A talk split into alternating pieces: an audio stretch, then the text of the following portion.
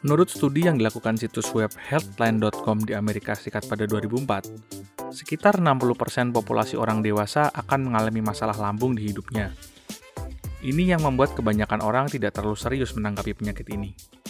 Padahal, di tingkat tertentu, masalah asam lambung dapat menyebabkan komplikasi masalah kesehatan lain. Sebenarnya, apa sih yang terjadi ketika kita mengalami masalah asam lambung, dan bagaimana cara mengatasi serta mencegahnya? Mari, Simak perbincangan saya dengan Dr. Andreas Jonathan, spesialis penyakit dalam di sesi ini.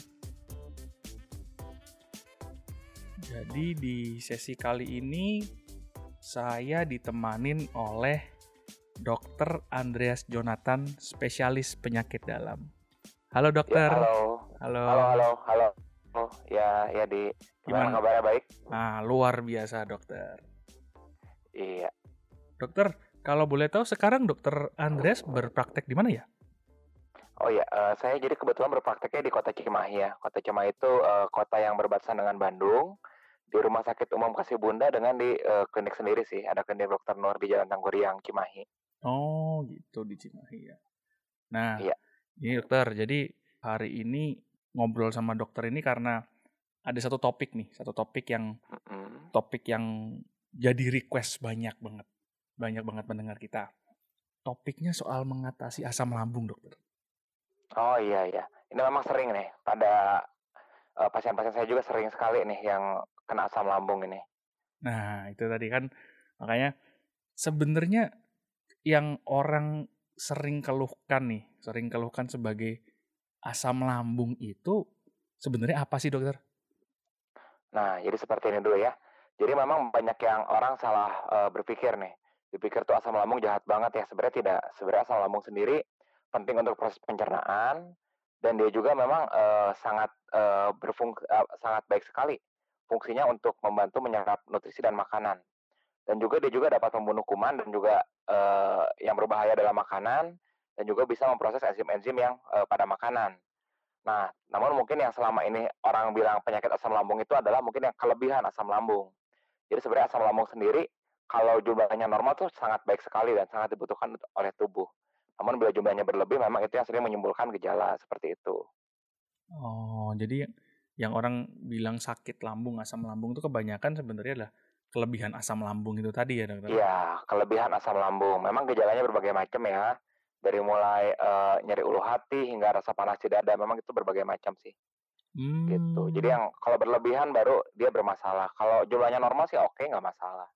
Nah, soal gejala tadi, biasanya tuh orang kan merasakan merasakan tadi nyeri ada di di ulu hati gitu dokter. Nah, ada juga beberapa beberapa kejadian yang uh, jadi pendengar kami menanyakan nih. Terus nyerinya tuh kan agak naik tuh, agak di ulu hati itu. Iya, iya. orang iya. sering mengkaitkan iya, iya. terus bedanya nyerinya sama nyerinya orang yang terkena jantung koroner itu apa, dokter? Nah, memang ini ya, memang ini banyak sekali juga nih pasien yang sebenarnya sakit lambung tapi datang ke UGD karena memang takut sakit jantung ya. Memang penting sekali nih hmm, betul, untuk betul. Uh, pendengar untuk mengetahui perbedaannya apa. Jadi begini, uh, prinsipnya uh, asam lambung ini kan memang bisa naik ke atas ya, bisa naik ke kerongkongan. Nah itu memang menyebabkan rasa nyerinya juga di dada begitu. Jadi memang harus dibedakan oleh uh, penyakit jantung. Jadi bedanya paling utama tuh rasanya ya kalau sakit jantung tuh lebih seperti tertekan benda berat.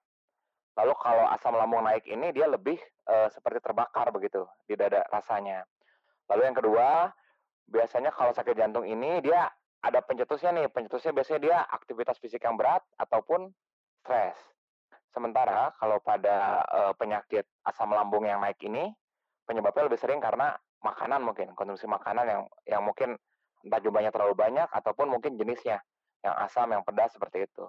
Lalu untuk e, mengatasinya biasanya kalau pada sakit jantung tuh dengan istirahat ataupun dengan pemberian e, obat di bawah lidah tuh dia bisa perbaikan. Sementara kalau e, yang asam lambung ini dia dengan atasi dia biasanya agak perbaikan. Namun tetap ya, dan juga lokasi, lokasi juga penting ya. Kalau nyeri sakit jantung seringnya di dada kiri, walaupun bisa juga di ulu hati. Sementara kalau di asam lambung ini lebih ke tengah. Namun tetap ya, kalau ada nyeri dada itu kan memang suatu proses yang benar-benar dapat mematikan. Jadi kalau menurut saya tetap harus uh, cari pendapat dokter sih. Memang itu mungkin hanya uh, apa uh, advis saja, namun memang tetap harus mencari uh, tenaga kesehatan, tenaga medis lah apabila uh, mengalami nyeri dada. Oh, oke. Okay. Nah, tadi kan dokter sempat bahas kalau yang nyerinya uh, masalah dengan asam lambung itu kan kayak asam lambungnya naik sampai kayak rasa terbakar itu dokter. Iya. Nah, iya iya iya. Sebenarnya sebenarnya bahayanya apa sih? Berarti kan kalau logikanya saya nih, itu kan berarti terjadi karena ada asam lambung yang keluar dari lambung dan naik berarti ceritanya dokter. Iya iya iya. Nah, iya. itu sebenarnya kalau bahayanya sebenarnya apa dokter? Kalau sampai asam lambung itu keluar ke Oke, ya. Tentunya yang pertama ya, tentunya itu mengganggu sekali quality of life ya. Jadi kan pasien biasanya bisa nyaman dan lain sebagainya, namun merasa nyeri pada dada, merasa sendawa, lalu mulut juga bisa uh, berbau ya, kita sebut halitosis, lalu juga bisa menyebabkan gangguan pada gigi gitu. Namun memang yang berbahaya tuh ada yang dinamakan barat esofagus ya. Jadi itu karena asam lambung yang naik uh, tinggi terus menerus, dia bisa menyebabkan uh, fibrosis lah, semacam apa ya, semacam uh, jadi kekakuan begitu di saluran kerongkongan. Nah, itulah yang mungkin berbahaya, ya. Seperti itu. Oh, bisa sampai memang ya karena memang itu isinya karena itu istilahnya cairan yang asam makanya bisa iya. merusak. Oh. Cairan yang asam berlebihan dan dia naik ke atas begitu. Di mana seharusnya kondisinya kan basah di situ. Begitu tidak asam itu. Iya. Naiknya asam lambung itu kan yang tadi seperti dokter sudah ceritakan uh, kebanyakan karena makanan dan minuman dan memang kebanyakan kan orang masalahnya ya. itu. Nah sebenarnya ya. uh, makanan dan minuman yang seperti apa sih dok yang bikin apa namanya yang bisa memicu asam lambung ini naik gitu loh karena kan biasanya nih biasanya yang orang pasti ngomong adalah asam dan pedas. Ya sebenarnya banyak sekali ya makanan memang rata-rata yang enak-enak nih kalau saya lihat nih. Oke. Okay. Ya, rata-rata yang enak-enak ya, yang enak-enak memang ya jadi makanan yang tinggi lemak juga itu sebenarnya nggak boleh. Lalu makanan yang digoreng itu kan yang spesial lezat ya. Yeah. Itu juga sebenarnya bisa meningkatkan asam lambung. Oh, Lalu okay. coklat, kopi, soda, alkohol itu juga bisa meningkatkan asam lambung dan juga makanan yang terlalu asin. Oh, Memang jadi terkadang ya, ya, ya. Seolah seperti semua makanan tidak boleh gitu. Cuman kalau menurut saya sih yang penting jumlahnya bagus, ya, jumlahnya tepat ya, empat sehat lima sempurna. Memang kalau makanan-makanan ini memang jangan dikonsumsi bila memang sedang ada serangan. Mungkin kalau tidak ada serangan, sedikit-sedikit sih kalau saya saya pribadi sih masih boleh ya. Mungkin kan orang juga tidak mungkin ya tidak makan makanan yang digoreng sama yeah. sekali, mungkin agak sulit. Cuman memang harus dikurangi seperti itu. Apalagi kalau memang intensitas e, gejala asam lambungnya sering, tentunya makanan-makanan yang tadi saya sebutkan sebaiknya dikurangi atau dihindari. Begitu. Ya, ya, ya. Karena yang yang menarik nih yang yang dari semua list tadi itu yang baru menurut menurut saya nih gorengan itu saya baru baru oh gorengan tuh memicu. Iya bisa memicu, betul. Itu juga bisa memicu asam lambung sih. Apalagi makanan seperti nasi goreng itu kan asam minyaknya banyak sekali ya. Mm-hmm. Itu bisa memicu, iya. Apalagi nasi gorengnya pedas gitu ya dok ya? Iya, wah itu udah kombinasi. Kombinasi. Minumnya soda. Apalagi sesudahnya minum soda gitu ya udah. Wah. udah lah. memang enak ya. Tapi memang ya memang sebaiknya dihindari lah untuk yang penderita asam lambung ini. Hmm, ya ya. Nah, kalau dari situ sekarang gini dok, asam lambung ini kan Uh, karena saking umumnya lah, karena saking umumnya mungkin. Oke. Okay. Dan obat-obat yang tersedia di mungkin bukan bukan di apotek, bahkan di minimarket pun ada gitu, makanya orang jadi uh-huh. gampang oh kalau asam lambung ya ini saya minum uh, antasida ya, okay. antasida. Nah, oke okay, oke okay, Nah, okay. sebenarnya itu oke okay nggak? Dan sampai taraf okay. mana istilahnya kita oke okay mengkonsumsi antasida itu? Oke okay, oke. Okay. Ya, jadi memang antasida ini, jadi saya ambil yang umum ya. Jadi memang sekarang antasida itu banyak sekali jenisnya. Ada yang forte dengan dosis yang berbagai macam. Namun saya ambil antasida yang umum ya. Antasida yang umum itu dia mengandung aluminium hidroksida 200 mg dan magnesium hidroksida 200 mg ya. Nah, e, dosisnya sendiri sebenarnya sebaiknya tiga kali satu tablet saja. Namun memang di namun memang ada dosis maksimalnya 4 kali 2 tablet.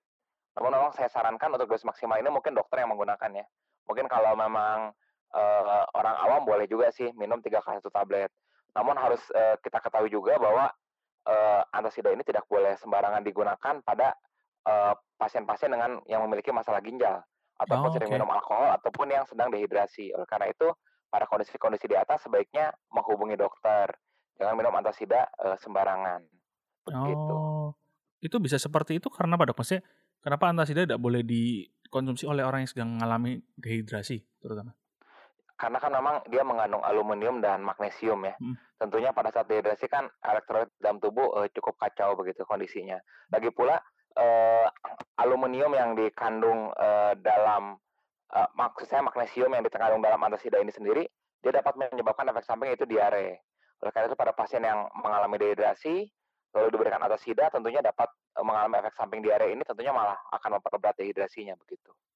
Oh, begitu. Karena ya benar karena ad, kadang ada beberapa orang yang ngomong, "Oh, ini gara-gara mas saya mas saya apa namanya atau lambung saya bermasalah sama lambung saya bermasalah."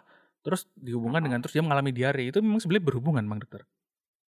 Uh, oh iya, itu memang salah satu gejalanya sih. Salah satu gejala asam lambung naik itu memang bisa jadi diare. Namun diarenya tuh dibagi dua ya. Diare sendiri kan ada yang memang inflamasi yang disebabkan karena bakteri ataupun virus ataupun amuba atau yang non inflamasi. Diare non inflamasi sendiri sering disebabkan jadi yang tidak ada inflamasi tidak tidak perlu antibiotik dia bukan karena bakteri. Itu sering disebabkan karena memang sakit ma atau sakit asam lambung ini begitu. Oh gitu.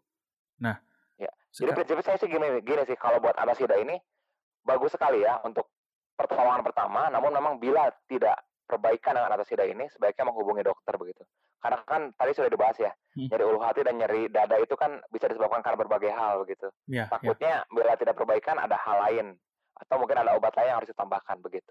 Oh, oke okay, oke. Okay. Nah, sebenarnya sampai di titik mana ketika kita tuh harus melakukan pemeriksaan lebih lanjut atau kita ke profesional dokter karena biasanya kan ya tadi mungkin ada itu cuma apa namanya di di level mana? Endoskopi ya. Oke mm -hmm. oke. Okay, okay.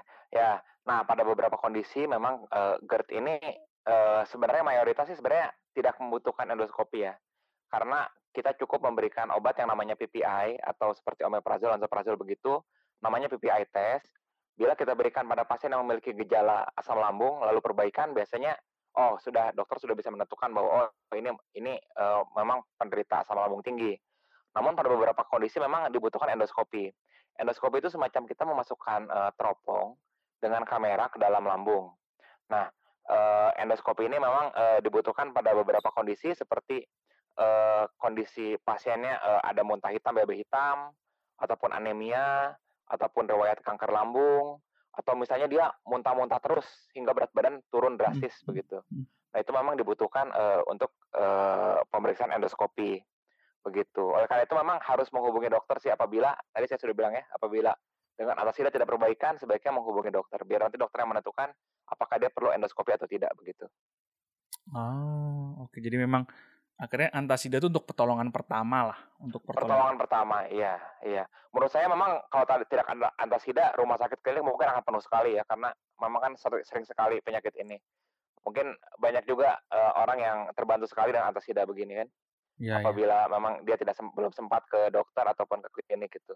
Namun memang yang harus digarisbawahi apabila tidak perbaikan sebaiknya uh, apalagi ada rasa nyeri di dada ya, sebaiknya menghubungi tenaga medis lah untuk hmm. dilakukan pemeriksaan lebih lanjut begitu. Oh, Oke. Okay.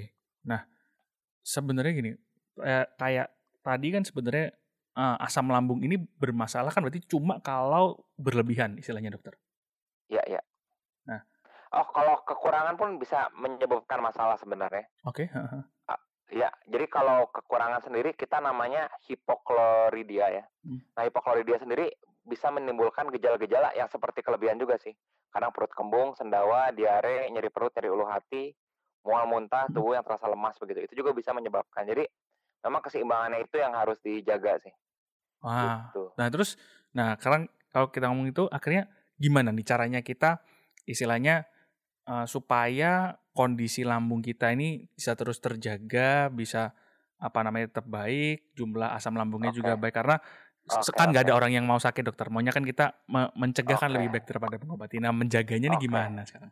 Oke okay, oke. Okay. Sebenarnya ada pepatah kuno sih yang mengatakan you are what you eat ya. Jadi intinya ya satu tadi jaga makanan tadi ya. Mungkin uh, makanan empat sehat lima sempurna sih lebih tepatnya ya. Karena kan walaupun kita menghindari uh, makan makanan tadi, tapi kita makan yang lain kan itu juga nggak bagus ya. Jadi empat sehat lima sempurna, cukup sayur dan buah, uh, makan daging uh, ya se uh, terbatas lah ya, secukupnya. Lalu kurang hindari makan makanan yang berlemak. Lalu mungkin waktu makan juga terkadang ini yang karena kesibukan ya sekarang kan zaman modern, yeah. orang makin sibuk kadang uh, sulit untuk makan. Dan lalu yang sering orang lupa juga bahwa asam lambung sendiri sebenarnya dapat uh, ditingkatkan dengan stres begitu. Oleh karena itu memang stres itu harus dihindari dan juga istirahat uh, cukup istirahat. Jadi memang penggunaan obat juga mungkin penggunaan obat penekan asam lambung juga mungkin harus sesuai dari petunjuk dokter ya. Apabila berlebihan kan takutnya juga ada gejala-gejala yang tadi saya sebutkan ya atau hipokloridia ya. Oh gitu. Jadi memang penggunaan obat yang berlebihan juga ya akhirnya itu tadi karena hipokloridia atau kurangan asam lambung itu juga bakal jadi masalah juga buat lambung ya. Betul. Okay. Betul, betul. Itu juga masalah, betul. Kemudian dokter terkait masalah asam lambung ada salah satu istilah baru yang sering dibahas yaitu gastroesophageal reflux disease atau yang lebih dikenal dengan GERD. Sebenarnya apa sih GERD itu dan siapa aja yang beresiko sebenarnya? Jadi kalau tentang GERD sendiri ya, itu kan asam lambung yang naik ya. Biasanya itu disebabkan uh, karena uh, beberapa hal. Uh, yang beresiko sendiri sebenarnya adalah terutama ini adalah ibu hamil dan uh, yang obesitas begitu. Oleh karena itu pada uh, ibu hamil apabila memiliki gejala-gejala seperti itu juga harus menghubungi dokter karena kan uh, berhubungan nanti dengan takutnya asupan nutrisi jadi kurang ya karena asam lambung yang berlebih begini mual muntah jadi uh, berkurang oh, okay. ditambah lagi pada kehamilan sendiri kan memang terjadi perubahan hormon yang juga bisa menyebabkan uh, ibu hamil lebih gampang mual-mual begitu. Lalu juga uh, salah satu uh, apa salah satu cara untuk mengatasi atau mencegah GERD ini adalah tentunya menurunkan berat badan pada orang yang obesitas begitu. Korelasinya antara GERD dengan dengan obesitas itu dokter? Oke. Oke begini. Jadi prinsipnya kan uh, GERD atau asam lambung naik ini kan disebabkan karena dua hal ya. Hmm. Yang pertama karena uh, sphincter atau klep di bawah uh, kerongkongan itu sudah uh, lemah dan yang kedua itu ada peningkatan tekanan di uh, dalam perut begitu. Nah, pada pasien yang gemuk ataupun ibu hamil ataupun yang suka memakai baju-baju ketat, tentunya tekanan di perut lebih besar. Oleh karena itu karena tekanan di dalam lambungnya perut dan dalam lambungnya besar, sehingga asam lebih gampang naik begitu. Itu salah satu uh, penyebabnya. Mengapa pada pasien yang gemuk itu berisiko untuk terjadinya GERD. Oh, oke oke oke. Berarti memang akhirnya uh, untuk orang-orang yang cenderung gemuk ini resiko apa ya istilahnya mungkin resiko atau probabilitas dia terkena penyakit yang berhubungan dengan asam lambung lebih berbahaya karena satu ya otomatis karena makanan karena seperti penyebab apa naiknya Betul. asam lambung biasa plus tambah Betul. ada resiko GERD ini terjadi pada dirinya dia gitu ya. Betul betul betul karena memang uh, dan juga pada lansia juga sih. Oh. Pada lansia juga kadang-kadang uh, otot di bawah apa namanya kita sebutnya lower esophageal sphincter ya. Huh? Jadi di bawah esofagus ada otot, nah itu juga sudah melemah. Jadi pada lansia juga dia berisiko juga sih.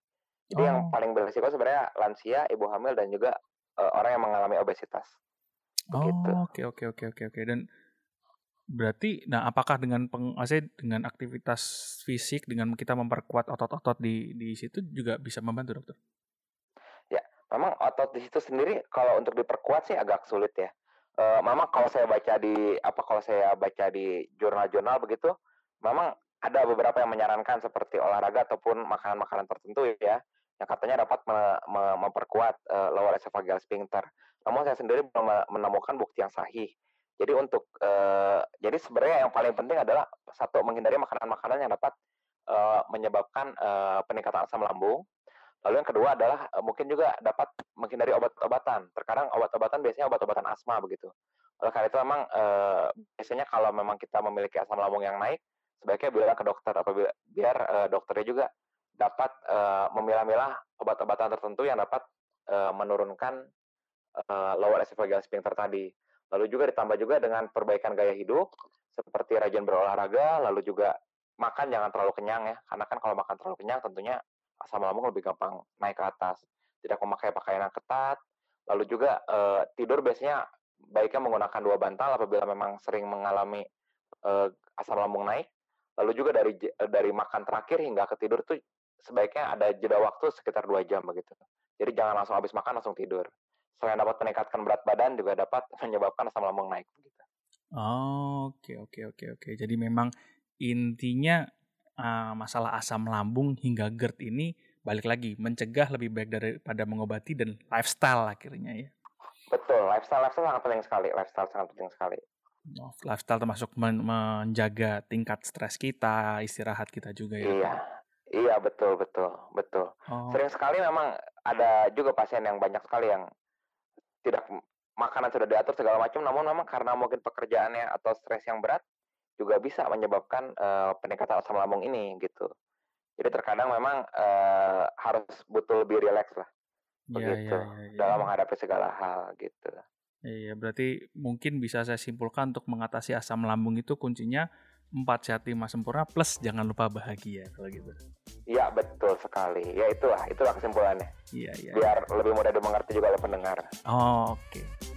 Oke. Okay. Oke. Okay. Mungkin kira-kira gitu untuk obrolan kita di sesi kali ini dengan Dokter Andreas. Oke okay, ya, saya juga sangat senang sekali ya diundang di uh, dokter pribadi ini. Menurut saya channel yang sangat berguna sekali sih untuk edukasi kepada masyarakat. Oke, terima kasih Dokter Andreas. Sampai ketemu lagi nih. Oke, sampai jumpa lagi Didi. Untuk Anda yang ingin bertanya lebih lanjut mengenai topik sesi kali ini atau mengobrol dengan tim dokter di podcast dokter pribadi atau bahkan ingin menyampaikan saran mengenai topik-topik yang ingin dibahas di sesi-sesi selanjutnya, sapa kami di Instagram karena sekarang podcast dokter pribadi punya akun Instagram di @dokter.pribadi.official. Sekali lagi akun Instagram kami ada di @dokter.pribadi.official.